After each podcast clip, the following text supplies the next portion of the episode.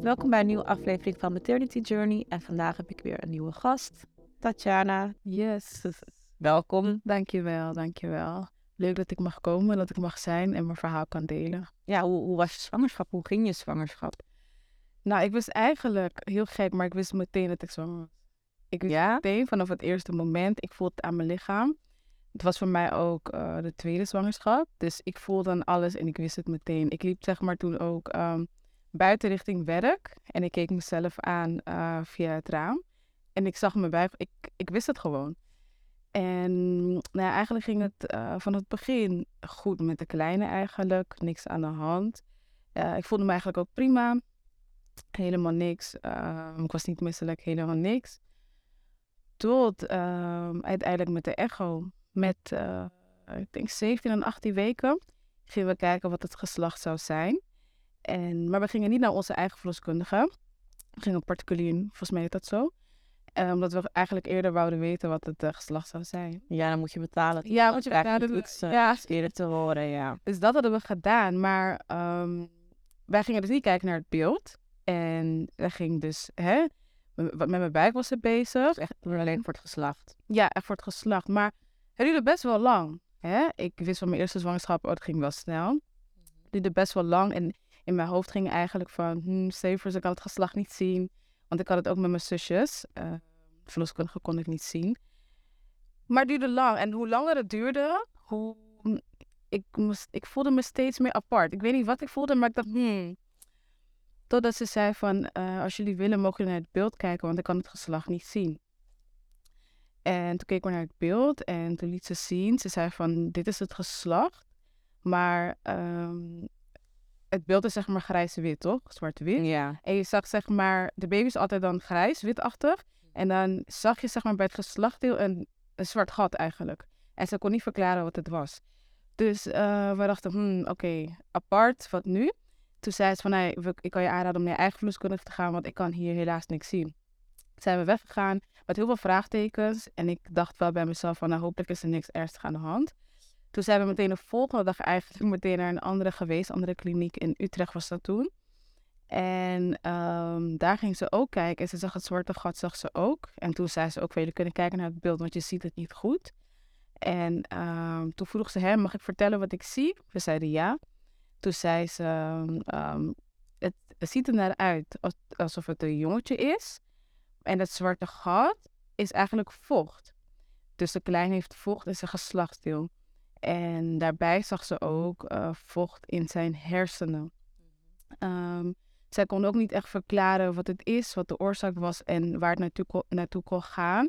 Maar ze was wel heel duidelijk van, eh, oké, we moeten nu afspraak maken in het ziekenhuis. Ze was heel, Gelijk actie. ja, gelijk actie ondernemen, waardoor ik een beetje in paniek raakte van, oké, what's going on? Maar het was zaterdag, het ziekenhuis is dicht. En toen is ze ons doorverwezen eh, om op maandag te gaan naar het ziekenhuis in Nijmegen.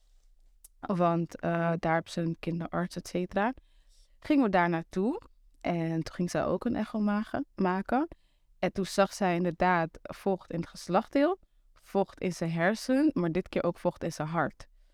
En ehm, nou, ze waren allemaal gelijk actie, hè? actie, reactie. En ik was een beetje van, oké, wat, wat is aan de hand? Ik wil graag weten wat er aan de hand is.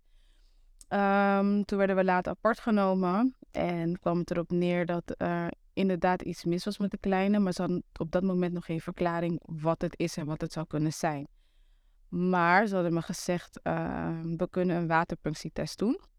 Dat is zeg maar, ik weet niet of je dat kent, met een naald in je buik. En twee dingen wat ik altijd heb gezegd is, ik wil nooit zo'n test doen en geen keizersnee. Dat zijn echt de twee dingen waar ik echt angstig voor was. En waarom wil je dat? Omdat je dus... Om, ja, gewoon angst. Ja, ik denk angst. Zo'n grote naald in je Mm. buik. Je weet dat je kindje daar zit. Er zit een risico aan verbonden.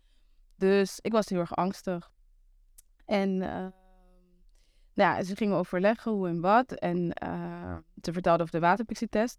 Dus wij mochten even een half uurtje ehm, ehm, ja, even, even weg. Even naar de kantine gingen we zitten en eten. Want we zouden teruggeroepen worden voor hoe nu, hoe nu verder. Nou, toen kwamen we terug. En toen zei ze meteen, ja, we kunnen de test nu meteen voeren. En eh, ja, die kwartje moest bij mij gewoon even vallen. Ik kreeg toen eh, een hyperventilatieaanval. Dat ik het gewoon zo angstig vond. En ehm, ging gewoon heel veel door me heen. Wist je toen al wat je wou doen qua keuze voor de punctie? Ja, ik heb wel gezegd dat ik het wil, omdat wij, ja, we wilden graag weten uh, wat er met het kindje is. Uh, ondanks wat, het, wat de uitslag zou zijn, zouden we sowieso ervoor zorgen en sowieso ons best doen ervoor. Dus wij dachten, nou dan weten we maar meteen wat er aan de hand is. En um, nou ja, uiteindelijk uh, hadden we de test gedaan. Dat was echt pijnlijk. Toen um, moesten we wachten. We zouden de uitslag krijgen, maar we zouden twee keer gebeld worden. De eerste keer voor de uh, wat chronische en grotere ziektes, de syndroom van Down, et cetera. Die was gelukkig uh, negatief, dat had de kleine niet. En dan een week of twee weken daarna zouden we gebeld worden voor de wat kleinere uh, ziektes, zeg maar. Nou ja, toen werden we gebeld en toen, uh, nou, ik werd gebeld en toen zei de arts van, ik heb niet zo goed nieuws.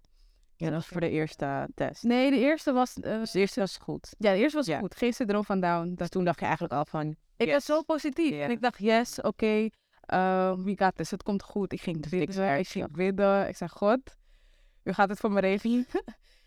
en uh, totdat ik het tweede, tweede telefoontje kreeg eigenlijk. En toen zei ze van, um, ik heb niet zo goed nieuws. Um, het lijkt erop dat de kleine syndroom van 22q11 heeft. En dat houdt in, legde ze uit, dat uh, nou, wat achterstand met leren, met praten, met lopen. Uh, dat lopen uh, gewoon heel laat, ehm, dat hij dat pas heel laat gaat doen. En dat hij sowieso achterstand zou hebben op school. Maar ze wisten natuurlijk niet in hoeverre die achterstand zou zijn. In zijn gezichtje heb je de kans dat de ogen wat verder naar buiten staat. Um, nou ja, hoe meer ze ging vertellen, hoe pijnlijker het werd. Ik probeerde me gewoon sterk te houden en eigenlijk op God te leunen. En, uh, maar ik moest heel erg huilen aan de lijn, waardoor ze zei van weet je wat. Uh, zij belde op de dinsdag. Ze zei kom maar donderdag langs en dan gaan we je verder uh, inlichten erover. Zei is goed. Toen ging ik op en ik weet nog, ik, ja, ik zakte gewoon door de grond. En ik liep mijn moeder huilend en ik vertelde het haar. Dat was echt een van de eerste keer dat ik mijn moeder zag huilen eigenlijk. Ja. Dus ze, had, ze vond de situatie natuurlijk heel erg, maar ze had het vooral met mij te doen. En uh, ja, ik was dinsdag en woensdag gewoon de hele tijd in mijn mind en aan het nadenken over. Want wist je toen al wat er ging gebeuren? Of was het nog, net nog steeds niet? Nee, ik, wat, ik, wat ik op dat moment wist, is de kind heeft een ziekte, 22 keer 11. Maar uh, ik had heel erg, in die twee dagen had ik mezelf gezegd, oké, okay, we gaan het gewoon doen. Ik yeah. fix dit. Ik, ik, blijf sterk en ik ga gewoon voor de kleine zorgen. Want uh, ik wist die andere informatie nog niet. Ja. Uh, dus ik had dat in twee dagen, had ik dat zeg maar voor mezelf, uh, ja, bij mezelf ingesproken. We gaan het gewoon doen. Toen donderdag ben ik naar het ziekenhuis gegaan en daar kreeg ik eigenlijk verder te horen dat ehm, er wat ontbrak in zijn hart. Had twee dingen aan zijn hart. Dat is uh, zijn grote hartslagader is dat aan de verkeerde kant. Maar ze vertelde dat dat niet eens zo erg is, omdat er zijn nog steeds mensen die 100 jaar oud worden, uh, ondanks dat het aan de verkeerde kant zit. Dus dat zou niet eens een groot probleem zijn. Maar wat het was, de kleine miste, um, hij miste iets in het hart, waardoor hij eigenlijk op de wereld niet zou kunnen leven. Daar komt het op neer. En ja, het voelde gewoon als een klap in mijn gezicht wanneer dat zei. Uh, vooral omdat ik die twee dagen dus uh, me mentaal had voorbereid van hé, hey, ik ga dit gewoon doen ik blijf zien even met hoop naar het ziekenhuis van hoe gaan we dit aanpakken. Ja, en dan orgaan. En dan hoor ik dit.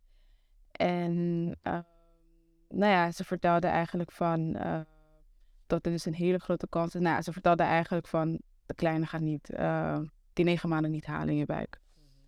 Dus uiteindelijk gaat de kleine het vanzelf, zijn lichaam gaat vanzelf opgeven en dat ga je dan voelen. En ik heb gebeden en ik zei, mevrouw, is er echt geen mogelijkheid of is er echt niks wat je kan doen? Uh, kan ik iets doen, et cetera, et cetera, et cetera. Uh, maar er was helaas geen optie meer. Uh, ze zei, je gaat het vanzelf voelen. Ik kreeg een bepaalde pil mee naar huis. Ze zei, vanaf het moment dat je wee gaat voelen. ik ben natuurlijk hè, bekend met weeën vanwege mijn eerste bevalling. Wanneer je dat gaat voelen, bel ons en dan vertellen we jou wanneer je die pil moet innemen. Dat is ter um, stimulatie uh, plus um, uh, zodat ik minder pijn zou voelen, maar dat zou ook helpen. Dus toen had je, maar had je eigenlijk de keus van ik, ik, eh, of, je, of het was eigenlijk een keuze van of je zet de zwangerschap door en hij komt te overlijden. Of ik bleek dus, om het zo te zeggen, dan eh, met behulp. Nee, want het beeld was zeg maar niet om de zwangerschap af te breken. Dus de bevalling. Ja, de, Oh ja. was, de bevalling was al dan eh, gestart. En dan moest ik het dan innemen om het verder te gaan stimuleren eigenlijk. Dus jouw lichaam heeft het zelf eigenlijk de bevalling gestart. Ja, ja, precies. Dat, mijn lichaam heeft het zelf gestart. En, eh, maar ik moest die pil wel nu meenemen. En dit bleef gewoon in mijn hoofd toen, eh, toen ze zei van... eh, wanneer je de wee begint te voelen en je de pil neemt, is er geen weg meer terug. En ik weet niet waarom, maar die woorden blijven gewoon in mijn hoofd. Blijven me volgen. En ehm, hoezo geen weg meer terug? Want er is toch eigenlijk al geen weg meer terug. Toen vroeg ik er ook van, is er dan een andere optie? Maar er was gewoon niks. Maar ik weet niet waarom die woorden in mijn hoofd blijven. Nou ja, toen ben ik naar huis gegaan, verdrietig. Ik wist echt niet wat ik moest denken. En ehm, wat ze trouwens ook vertelde, ze zei, eh, hoe moeilijk het ook is, is het belangrijk dat je begrafenis alvast gaat regelen. En eh, ik werd eigenlijk echt boos, eigenlijk. En ik zei van, hoezo? Hm. Eh, ze zei, eh, want de begrafenis kost best veel tijd, geld, et cetera. Ehm, het is gewoon beter voor je dat je dan nu al, ze adviseren er, dat je het nu alvast begint, zodat je mentaal kan voorbereiden, et cetera, et cetera. Dus ik ben naar huis gegaan en ik heb de hele dag in bed gelegen, de hele dag gehuild en eh, gebeden eigenlijk. Ik heb God gesmeekt om het kindje eigenlijk bij me te houden. En ik heb hem ook heel erg gevraagd naar de reden waarom. Waarom ik en waarom ik dit moest meemaken. Ehm, nou ja, één, eh, dit was dus donderdag. En vrijdag eh, dacht ik, nou ja, ik, ik ga het soort van een beetje accepteren. Toen eh, ben ik dingen gaan regelen voor de begrafenis, maar ik kon het gewoon niet. Ik ging op de computer, ik wou dingen halen, maar ik stopte, ik kon het niet. En toen weer terug, weer proberen en ik kon het niet. Ik, ik weet nog, ik ging bellen ervoor en ik voelde de kleine gewoon in mijn buik bewegen. En ik zei letterlijk van, eh, mevrouw, ik moet opbouwen, ik moet opbouwen. En toen ging ik op, want het is mentaal echt, echt, echt zwaar. Als je weet dat uh, het leven die je in je draagt, elk moment kan overlijden. En dat je daar eigenlijk al mee bezig bent, terwijl de kleine er eigenlijk nog is. Het voelt heel onnatuurlijk. Ja, en uh, dat vond ik heel lastig. Dat was heel moeilijk. Dankjewel. Dus uh, dat vond ik heel zwaar, mentaal heel zwaar vooral. En uh, dit was vrijdag, hè? Ja, en toen de nacht van vrijdag op zaterdag, ik ging slapen. En uh, mijn nichtje en mijn zusje kwamen bij mij slapen. Gewoon om met me te zijn en een beetje te afleiden en te helpen. Was je toen thuis of nog in het ziekenhuis? Nee, ik was toen thuis. Ik mocht gewoon naar huis. Nou ja, en toen de nacht van vrijdag op zaterdag gebeurde het eigenlijk. En ik voelde de weeën. Had het ziekenhuis. Ik zeg, ja, wat moet ik doen? En ze zeiden van, wacht nog even. Ik moest wachten tot bepaalde uh, minuten, zeg maar, ertussen zaten. En dan kon ik de pil gaan nemen. En uh, toen moest ik... Uh, toen zei ze dat ik acht uur of negen uur, in ieder geval de ochtend, moest ik naar het ziekenhuis in Nijmegen weer gaan. En daar zou het proces gewoon verder gaan. En ik heb gehuild bij mijn deur. Ik zei, ik wil niet. Ik zei tegen mijn zusje, maar ik wil niet gaan. En, uh, maar ja, uiteindelijk vond ik de moed om toch te gaan. Ik ben naar het ziekenhuis gegaan. En uh, je weet al wat gaat gebeuren eigenlijk. Je weet al dat je, je gaat naar het ziekenhuis met een baby in je buik. Maar je gaat straks weg met een lege buik en zonder kind. En uh, ja, ik bleef mezelf dat, dat, ik bleef dat zeg maar halen in mijn hoofd om, um, ja, ik dacht dat het voor mij uh, mentaal zou helpen, zeg maar, om me voor te bereiden van, hé, hey, je gaat in het ziekenhuis staat hij, maar je komt niet terug met de kleine. En um, nou ja, daar uh, ging ze voelen, ging ze kijken. En het was eigenlijk um, een ja, normale bevalling. Ik mocht in bad, ik mocht douchen en um, de hele tijd heb ik naar gospel geluisterd, de hele tijd heb ik gebeden. Toch voor, ja, maar ook een soort van, toch nog de laatste hoop of zo.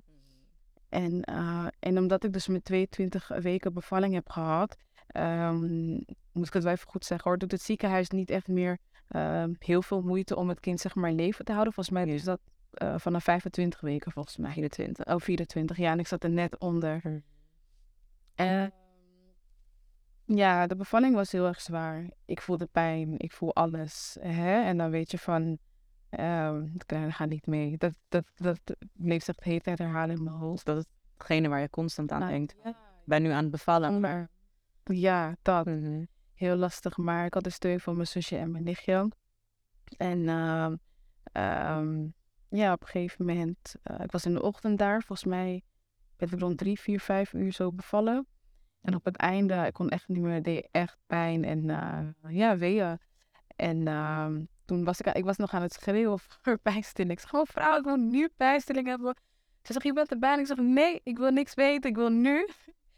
En eh, nou ja, toen waren ze heel snel bezig eigenlijk om pijnstilling te regelen voor mij. Maar eh, ik dat hij gaat komen, gaat komen. En voordat ze, ze was net bezig met infuus of iets. En hij vloekte eruit. En eh, ja, ik, ik lag daar en ik keek zo en ik begon meteen te huilen.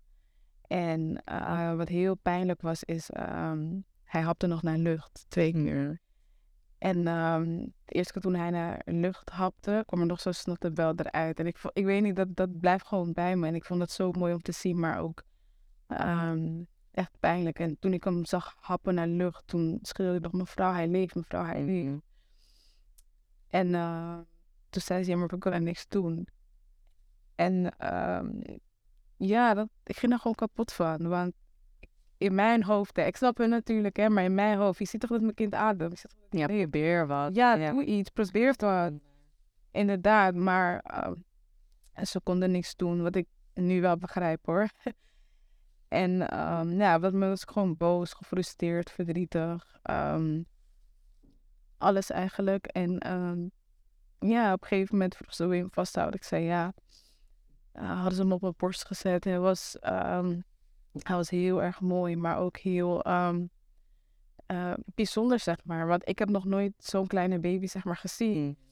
En ehm, ja, ik vond hem gewoon mooi. Ik vond hem gewoon echt mooi om te zien. En eh, eh, toen mocht ik gewoon nog heel lang kunnen vullen met hem. En ehm, was er een mevrouw gekomen voor foto's. Ze heeft hele mooie foto's heeft ze gemaakt van mij, van ons, van hem in het water. En ehm, ik bleef gewoon de hele tijd naar hem staren eigenlijk. En ik eh, vroeg me gewoon af de hele tijd van waarom ik begreep het niet. En, maar deep down of zo wist ik wel in mijn hart van ehm, het komt goed, zeg maar. Maar ja, ik had gewoon heel veel vraagtekens. En Ja, wat, wat is er gebeurd? Ja, Zelfs in zo'n korte tijd. En- Ja. Ik was heel erg confused die periode. En ehm, ik was mentaal ook echt niet meer stabiel. Ik was echt eh, de hele dag aan het huilen. Ja, maar het loopt. Ja. En ehm, toen zei ze van, eh, je mag zo lang blijven in het ziekenhuis eh, als je wilt. Je mag ook zelf overnachten, blijven slapen. Maar ik weet niet waarom, maar ik kon het niet. En ze zei ook van, je mag de kleine meenemen naar huis en in de koelkast stoppen. Maar dat kon ik ook niet. Ik, ze zou hem ergens instoppen en dat kon ik in mijn koelkast stoppen. Dat is wat ze me vertelde. En ik zei tegen haar, koelkast. Ze zegt, ja, koelkast of vriezer. Ik zei, maar dat vind ik geen fijn Mm. idee. Dan, zegt- dan ligt hij zeg maar in een mandje en daaronder liggen zeg maar koelelementen die haal je dus uit de koelkast of vriezer. Dus ik denk dat dat wordt bedoeld. En dat is dan iets wat je dan thuis, eh wat krijg je van de uitvaartonderneming. Ik weet niet, maar ik hoorde koelkast en ik zeg nee, dat wil ik niet. Ja, ik weet niet. Dus in ieder geval eh, heb ik hem niet meegenomen. Ik had bewuste keuze gemaakt om die, niet daar te overnachten. Hm. Want ehm, ik vond het gewoon heel heftig. Ik vond het heel heftig en ik dacht bij mezelf... Ik wil gewoon nu er vast aan wennen dat hij er straks niet meer is. En niet aan hechten. Of, of nou ja, nog meer aan hechten. Want dan gaat die afscheid pijnlijker zijn. Dus ja, proberen af te sluiten. Ja, ja. ik begon toen al een beetje af te sluiten. Nou, we, zijn nog, wel- we zijn er nog wel heel lang gebleven. We hebben voor hem gezongen. We hebben, eh, ja, we waren gewoon heel erg met hem bezig, zeg maar. En hoe gek het ook klinkt, het waren wel hele mooie paar uren, zeg maar. Eh, op een gegeven moment mocht ik naar huis en ehm, ik kon niet, ik wou niet, ik durfde niet. En ehm, ik heb er nog heel lang gezeten. Ehm, het was gewoon heel lastig om die afscheid te nemen. En op een gegeven moment ehm, zei, ik tegen, zei ik tegen die mevrouw in het ziekenhuis, tegen die arts van mevrouw, neem hem maar mee. Neem hem eerst maar mee. Ik wil zeg maar niet weglopen en hem in deze kamer. Ik zei, neem hem eerst maar mee. En eh, zei ze, weet je het zeker? Toen zei ik, ja. Toen nam ze hem mee en ik zat zo op bed en ik zie gewoon hoe zij hem, zeg maar, zo meeneemt. En ik kon niks anders doen dan alleen maar huilen eigenlijk. En ehm, ja, zijn we nog even in de kamer gebleven en uh, toen ging ik aan zijn kleertjes ruiken. en uh, ja, toen zijn we weggegaan en uh, dat was gewoon lastig. Ik denk dat dat voor elke vrouw, moeder, um, een van de grootste nachtmerrie is om te bevallen en naar huis gaan zonder je kind. Hm. Wetende dat je hem binnenkort gaat begraven. En um, ja, toen ben ik weggegaan en um, dat was gewoon heel lastig. Ik, ik la voor het eerst in mijn bed zonder kindje in mijn buik. Terwijl alles, ik voel alles. Ik, ik, um, ik kreeg ook melk, ik voelde de hormonen, alles. Dus uh, ja, dat was gewoon lastig. Dus zo is het eigenlijk een beetje gegaan met de zwangerschap en de bevalling. En heb je toen de uitvaart zelf geregeld? Ja, ik wou niks groots. Ik wou gewoon met mijn mensen uh, die deze journey met mij hebben meegemaakt. Mm -hmm. Heb ik gewoon alles zelf geregeld. Wel met behulp van mijn vriendin hoor. Ja.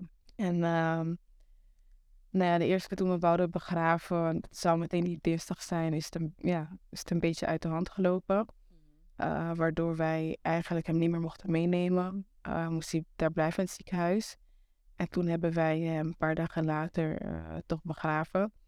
We waren gewoon, we waren volgens mij met acht, met mijn acht vriendinnen, was heel klein, knus. En belangrijke mensen in zijn. Gewoon en, en dat voelde gewoon fijn, voelde gewoon peaceful. Heb ik speelgoedjes gehaald, um, in een hele mooie, mooie kist eigenlijk.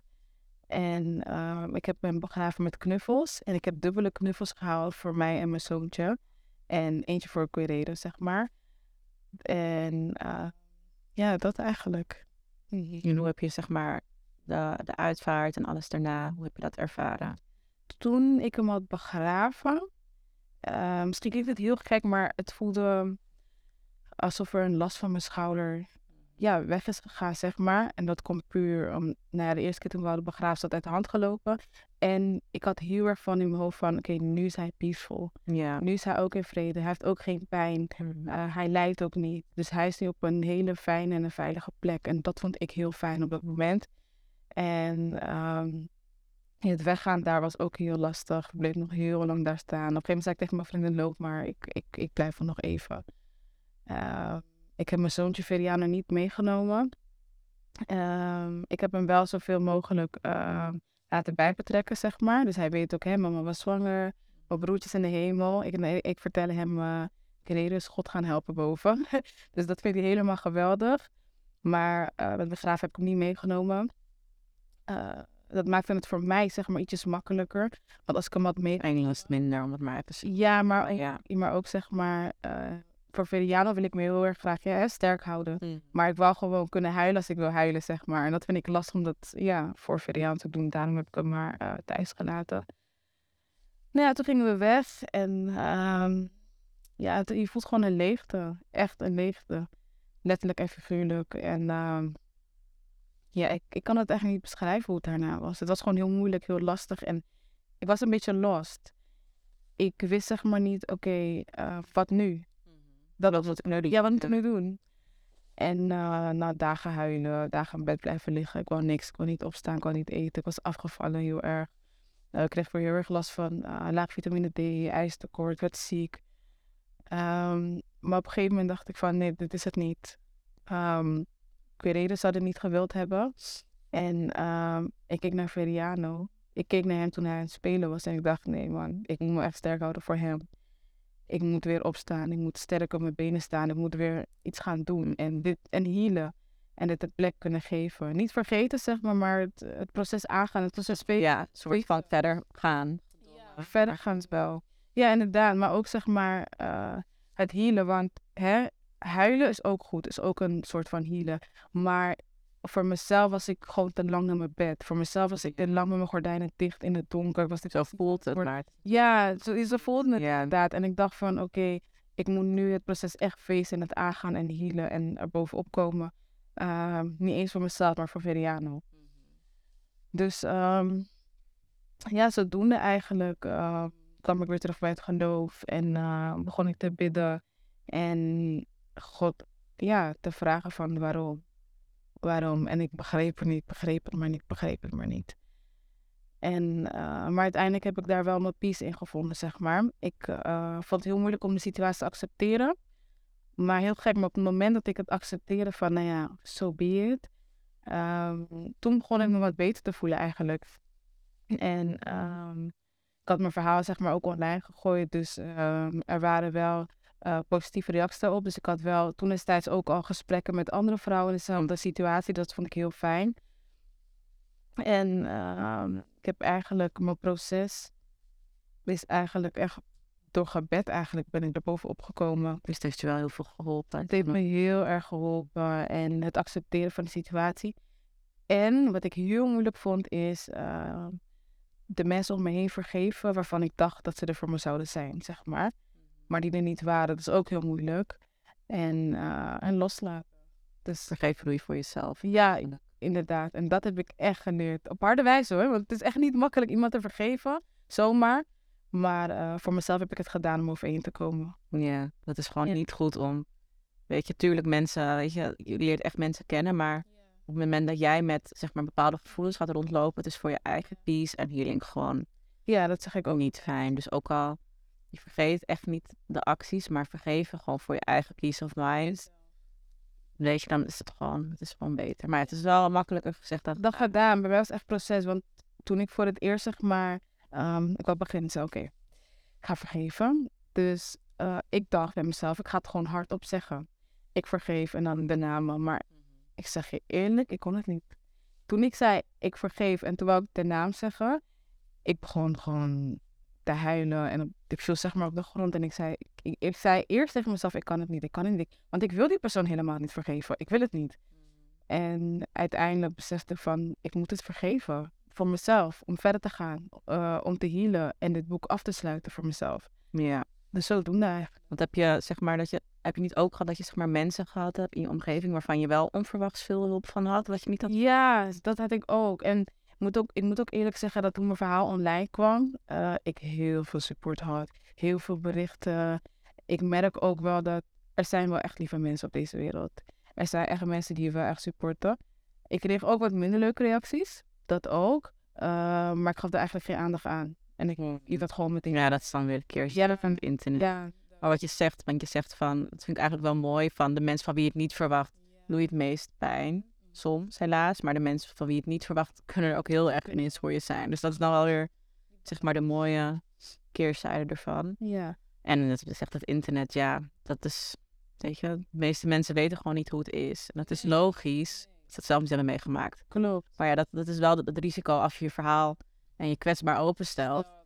Dus dat is wel wel jammer, maar weet je, de, o- de, de meerderheid is positief. En daar gaat het om. En eh, bij mij is gewoon mijn doel, zeg maar.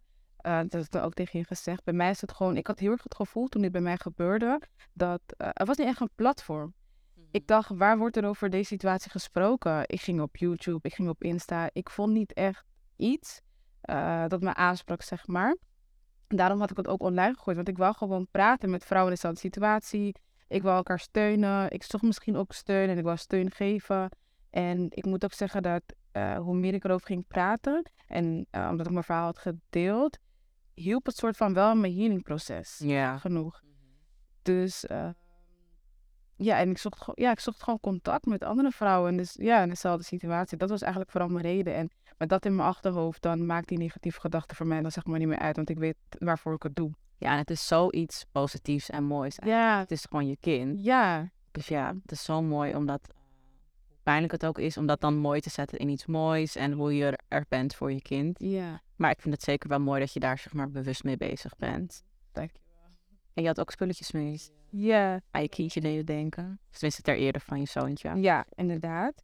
Kijk, dit is een van de knuffeltjes, zeg maar, die eh, ik dubbel heb gekregen. Deze heb ik van het ziekenhuis gekregen. Eentje lag bij Correro in het graf en eentje is met ons. En eh, mijn zoontje Veriano slaapt elke avond mee. Echt schattig. Dus je hebt En maar eentjes bij hem. ja, eentje is bij hem. En dit was, eh, hij was natuurlijk heel erg klein. Dus die, ik vond het echt schattig. Ze heeft die mevrouw deze gebracht en eh, bij hem omgedaan. Als luiertje soort. Ja, ze dacht, En toen had ze dit als eh, knuffel. En toen lag hij zeg maar... Ja, sorry, dat ik het trouwens wel aanraken. Want ik pak het eh, gewoon zo met mijn handen. Het is oké, anders zou ik het niet hier. Ja. En dit was een kussentje, zeg maar. Had ze hem maar zo neergezet. En deze had hij... ik weet niet waarom, ik vind het heel... Dus zijn naam staat erop. Ja, ja. die ken ik van het ziekenhuis. En dan heb ik... eh, even kijken. Ja, deze vond ik heel erg, erg mooi. Oh, dit zijn zijn voetjes. Voetjes en zijn hart. In de camera laten zien. Voor de mensen die meekijken. Ja, en hij was echt lang. Lijnen. Ja, Heel schattig. echt lief. Ja, inderdaad. Dus deze spulletjes eh bewaar ik echt met heel mijn hart. En kijk je er vaak naar? Of gewoon wanneer je verdrietig bent? Of bepaalde Ja, er zijn echt bepaalde momenten, want ehm, hè, ik zeg altijd, ehm, naarmate tijd leer je ermee leven. Het wordt ietsjes makkelijker, maar het verdriet en het verlies blijft altijd daar. Dus ik heb zeker momenten waarvan ik even een kleine breakdown krijg. En dan ga ik zitten en dan pak ik alle spulletjes bij elkaar en dan ga ik gewoon even huilen. Ga ik huilen, want het doet gewoon pijn. En nu ben ik er verdrietig over. Maar ehm, ik moet wel zeggen dat ik uiteindelijk hier wel mijn kracht eruit heb gehaald. En ehm, ja, het, het, het klinkt misschien heel gek, maar ehm, ik ben nu wel op het punt dat ik er positiever naar kan kijken. En met dankbaarheid kan kijken dat ik in ieder geval uh, heb mogen dragen. Ook al was het maar voor even. En ja, ik kijk gewoon naar die kleine positieve dingen en dat houdt, het, houdt mij gewoon vast. Nee, maar het is wel mooi hoe je dan die knop hebt. Ja, Draaien. maar de hel, om het maar even zo te Dat zeggen. was het echt. Maar ik zeg het ook tegen iedereen van, ik heb mijn knop echt kunnen omdraaien. Het was, het was lastig, het was pittig. Maar ik heb echt met gebed en eh, ik ging heel veel schrijven. En wat ik ook deed, als ik zeg maar het gevoel had van, eh, ik wil met iemand praten, maar ik wil niemand lastigvallen. Of, nou ja, ik had het gevoel van, ik wil met iemand praten, maar ik had niemand. Of ik, of ja, wat ik dan deed, ik had, eh, ik ging memo's naar mezelf sturen. Oh, echt? Ja, ik Ja. memo's naar mezelf sturen en mezelf vertellen hoe ik me voel. En wat ik ook die, zoals ik zei, ik leunde heel erg op God. Ik ging, eh, ik heb God's nummer opgeslagen op mijn telefoon. Gewoon 0000. En dan stuurde ik hem gewoon een message. Ja, dat hielp voor mij echt. Dat, Ja, maar als het helpt, want, gewoon hard ja, want eh, praten met God was voor mij gewoon, ja, dat was, voor, dat was het voor mij gewoon. En soms kon ik niet praten met woorden of ja, hardop, want ik wist niet wat ik moest zeggen. Maar ik ben best wel goed in typen. En toen ging ik typen. En dan schreef ik het gewoon van me af. En dan voelde dat gewoon als opluchting. Dus eh, ja, dat was een van de manieren voor mij om er overheen te komen. Ja. Dat is wel mooi, ja.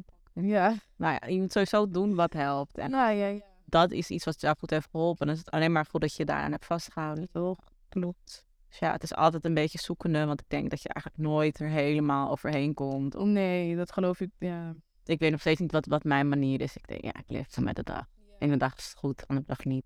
Dan drie dagen wel, dan zes dagen. Het is heel schommelend. Dus je, het is gewoon zoekende, maar je probeert er gewoon eh, het beste van te maken. Meer dan dat kan je eigenlijk gewoon niet doen. Dus ja, klinkt heel hard, maar het is, ja, het is wat het is. Het is wat het is. En je moet gewoon door. En precies wat je zegt, je eigen journey moet je zelf aangaan. Want soms heb je mensen om je heen die van, eh, ach, doe normaal. Het is toch al zo geleden. Ja, ben je er nog steeds jij overheen? Ja. Dat denk ik, alsjeblieft, laat iedereen gewoon zijn eigen waarde zijn eigen journey aan. Ja, en niet omdat jouw buurvrouw er maar na één maand alweer helemaal goed uitzag, is het voor iedereen zo. Deze, ieder zijn rouwproces is zo anders. Want soms vragen mensen of ja, maar wat moet ik doen? En maar wat voor mij helpt, hoeft echt niet per se voor jou te helpen. Dus dat is zo persoonlijk en Ja, verschillend. Klopt. Dat vind ik ook. Ben ik het mee eens. Het belangrijkste is dat je ehm, er wel aan werkt, zeg maar. En ermee bezig bent en het voelt. Is er altijd, je moet het gewoon voelen. Is niet erg om Ja, niet dat het ineens later ineens terugkomt. Dat je denkt, oh, Ja. dacht, ja. Nee, daar heb ik ook wel last van gehad. Dat ik echt ineens heel veel afleiding ging zoeken. En toen dacht ik nou, maar van, oh, misschien gaat het toch niet zo goed als ik denk. Dus soms overschat je jezelf ook, omdat je bijvoorbeeld niet aan het huilen bent. Ja, Zie je ineens een foto en dan ben je een uur lang aan het huilen. Dan denk je, oh, nou, het gaat toch iets minder goed dan ik dacht. Maar dat, dat, zeg, dat is zoekende. De ene dag gaat het goed, en de andere dag ja. wat minder. Dat had ik ook. Ik had de eerste maand, eh probeerde ik het gewoon eh, weg te stoppen. Ging afleidingen zoeken. En wat je zegt, en toen kreeg ik de besef van nee. Je gaat het voelen. Ja, nee. Hier ben ik Gewoon erkennen. ja, dat. pijnlijk het ook is. En dat, ja, het liefst wil je, althans ik ben een persoon, het liefst wil ik niet met pijn dealen. Ik stop Al gewoon ontwijken. weg. doen alsof het- ja, Ja, maar dit, bij dit kon ik het niet, zeg maar. Het is te groot of wil doen alsof het er niet is. Ja, dus hoe heeft zeg maar, deze ervaring jou veranderd als persoon? Hoe sta je nu in het leven? Dat is een hele goede vraag. Ehm, allereerst kan ik zeggen dat het me sterk heeft gemaakt. En eh, niet onderschatten. Soms zie je situaties, soms lees je situatie en dan kan je zeggen, this will never be me. Ja, Toch? Dit zal mij nooit overkomen, onderschat het niet. Want het is heel easy om dat te zeggen. Ik had ook nooit gedacht dat ik in zo'n situatie zou komen. Ehm, en het heeft me geleerd eh, de kleine dingen te waarderen in het leven, eigenlijk. En zoals ik al zei, ik ben al dankbaar dat ik hem heb mogen dragen. dankbaarheid. Ja. Ja, ik weet niet. Het heeft me even wel een beetje ander inzicht ge- gegeven. Ik eh, sta wat positiever in het leven nu. Ik kijk het leven wat mooier, wat mooier aan nu. En ehm, deze situatie motiveert mij ook eh, om verder te gaan en harder te werken in het leven. En harder achter mijn doelen aan te gaan. Omdat ik soms wel het gevoel heb van, ik weet niet, kijk naar je. Als ik een ster soms zie, Ja, zeg ik van, kijk nou maar, ik moet het doen. Mama moet het goed doen. En eh, ja, dat eigenlijk. je wilt je kind gewoon trots maken. Ik wil mijn kind gewoon trots maken. En eh, ik denk, het grootste is het sterker. Het, het heeft me sterker gemaakt en het dankbaarheid. Denk dat het is. Die Dus dat is eigenlijk het mooie. Ja, het mooie eraan eigenlijk, ja. Ik heb dat zelf ook wel, want je kijkt gewoon heel anders naar het leven. Ja, Ik was vroeger echt heel, eh, nou ja, niet heel judgmental, maar ik kon dat wel sneller hebben. Mhm. Maar nu zou ik dat echt veel minder snel doen. Ja. Want wat je zegt, je weet maar nooit in wat voor situatie iemand be- belandt. En dingen wat ik vroeger, nee man, dat zou ik nooit doen. Nou, ja je weet het niet. Ja, weet je, bijvoorbeeld vroeger dacht ik altijd zo tijdens mijn zwangerschap van ja, maar als mijn kindje dan gehandicapt zou zijn, nou, dat ga ik echt niet doen hoor. En dan begreep ik mensen niet die dat deden. Maar nu, bijvoorbeeld Kian zou ook ernstig gehandicapt zijn. En toen mij dat werd verteld, zei ik ook van ja, ik zorg voor me, want het is een kind. Dus nu zou ik nooit meer ehm, zulke ouders beoordelen. Terwijl ik het vroeger misschien wel had gedaan. Dat je, weet je, zeg maar, Laat je zijn, ja, live, humble shoe, maar even zo te zeggen. Dat ik denk van, oké, nu snap ik het. Als zolang, wanneer je zelf in bepaalde situaties terechtkomt, kan je andere mensen veel beter begrijpen. Het eerst dan zou ik van, Ja. dus dat is, dit is wel wel mooi. Dat is gewoon ook eens weer een stukje levenservaring. Ja, klopt. Niet op een leuke manier natuurlijk, maar Nee, zeker niet. Maar ik denk wel dat je daar eh, door de minder leuke dingen in je leven wel het meest van leert. ja, en wel een beter persoon kan zijn. Ja. Ja. Ik heb veel meer geduld. Ik Ja. ben veel Mooi meer hoe je dat zegt. Ja, nou, ik probeer echt wel veel aardiger te zijn ook naar mensen toe. Omdat je nooit weet wat iemand meemaakt. Klopt. In wat voor situatie. Ja, ik had bijvoorbeeld soms als mensen dan... Ik veel, ik, ik reed naar huis, was het pas gebeurd dat iemand bot tegen me. dacht ja, je moest eens weten waar ik Ja. erheen ga, maar je weet dat niet. Dus nu, als ik bijvoorbeeld iemand... Dat laatst was ik op de parkeerplaats en een man ging helemaal uit zijn dag van... Ja, dat is mijn plek. Hij gaf geen richting aan en ik ging daar gewoon staan. Ik dacht, weet je, oude Lisara zou gewoon tegen je gaan schreeuwen van... Hé, hey, wat is het? Maar ik dacht, weet je, je weet niet wat iemand meemaakt. Klopt. Het is goed wanneer um, je je regie niet aan, maar ga maar hier staan. Ja. Fijne dag verder, weet je. Het is gewoon... Het Dat maakt, mooi. ja, want het maakt allemaal niet uit. Maakt allemaal niet meer uit inderdaad. Dat je ze... dus dat, Dat is mooi anders. Ja, het verandert je gewoon als persoon. En eh, hoe kijk je zeg maar naar later? Eh, met meer kinderen of... ik vind dat lastig. Ik, ik zou het stiekem wel heel leuk vinden. Ja. Om nog een levend kind te hebben natuurlijk, maar... Ja, het is natuurlijk wel een dingetje. En ik heb Mm. een eh, verhoogdere kans op een vroeggeboorte. Dus het zou heel medisch zijn. Ik zou eh, constant onder controle moeten zijn bij het ziekenhuis. En aan de ene kant is dat fijn. Ja. Want dan weet je dat je gelijk onder, onder goede handen bent. Maar aan de andere kant denk ik dat ik niet van mijn zwangerschap zou kunnen genieten. Als je dan elke dag denkt, ten eerste je hebt een verhoogd risico. En ten tweede, het kan altijd misgaan. En als. ik spreek zoveel lotgenoten, zoveel mensen. De angst stopt nooit. Nee, Nee, ja. Want bijvoorbeeld bij mij, Kien was geboren met 24 weken. Dus ik denk sowieso de eerste 24 weken is een hel.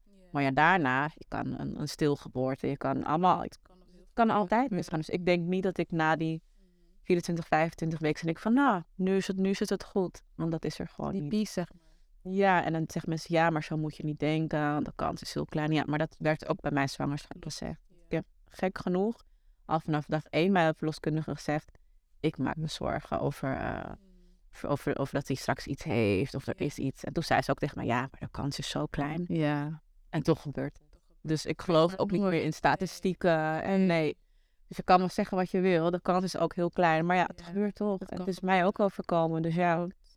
Dus nee, ik... ehm, het lijkt me zeker wel leuk. En ik denk ook, weet je, als ik weer een partner heb... en dat ik echt wel dat zou willen...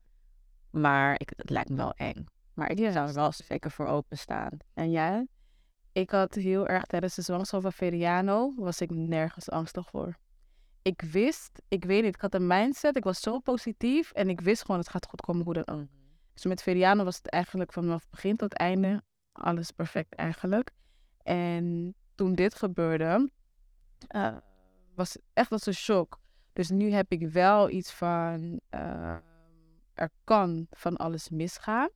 Ehm, want ik had, ik had heel erg het gevoel dat me, ehm, ja, mijn lichaam teleur, stelde me gewoon teleur. Dat ik dacht van, Gefaald. ja, ik heb gefaald.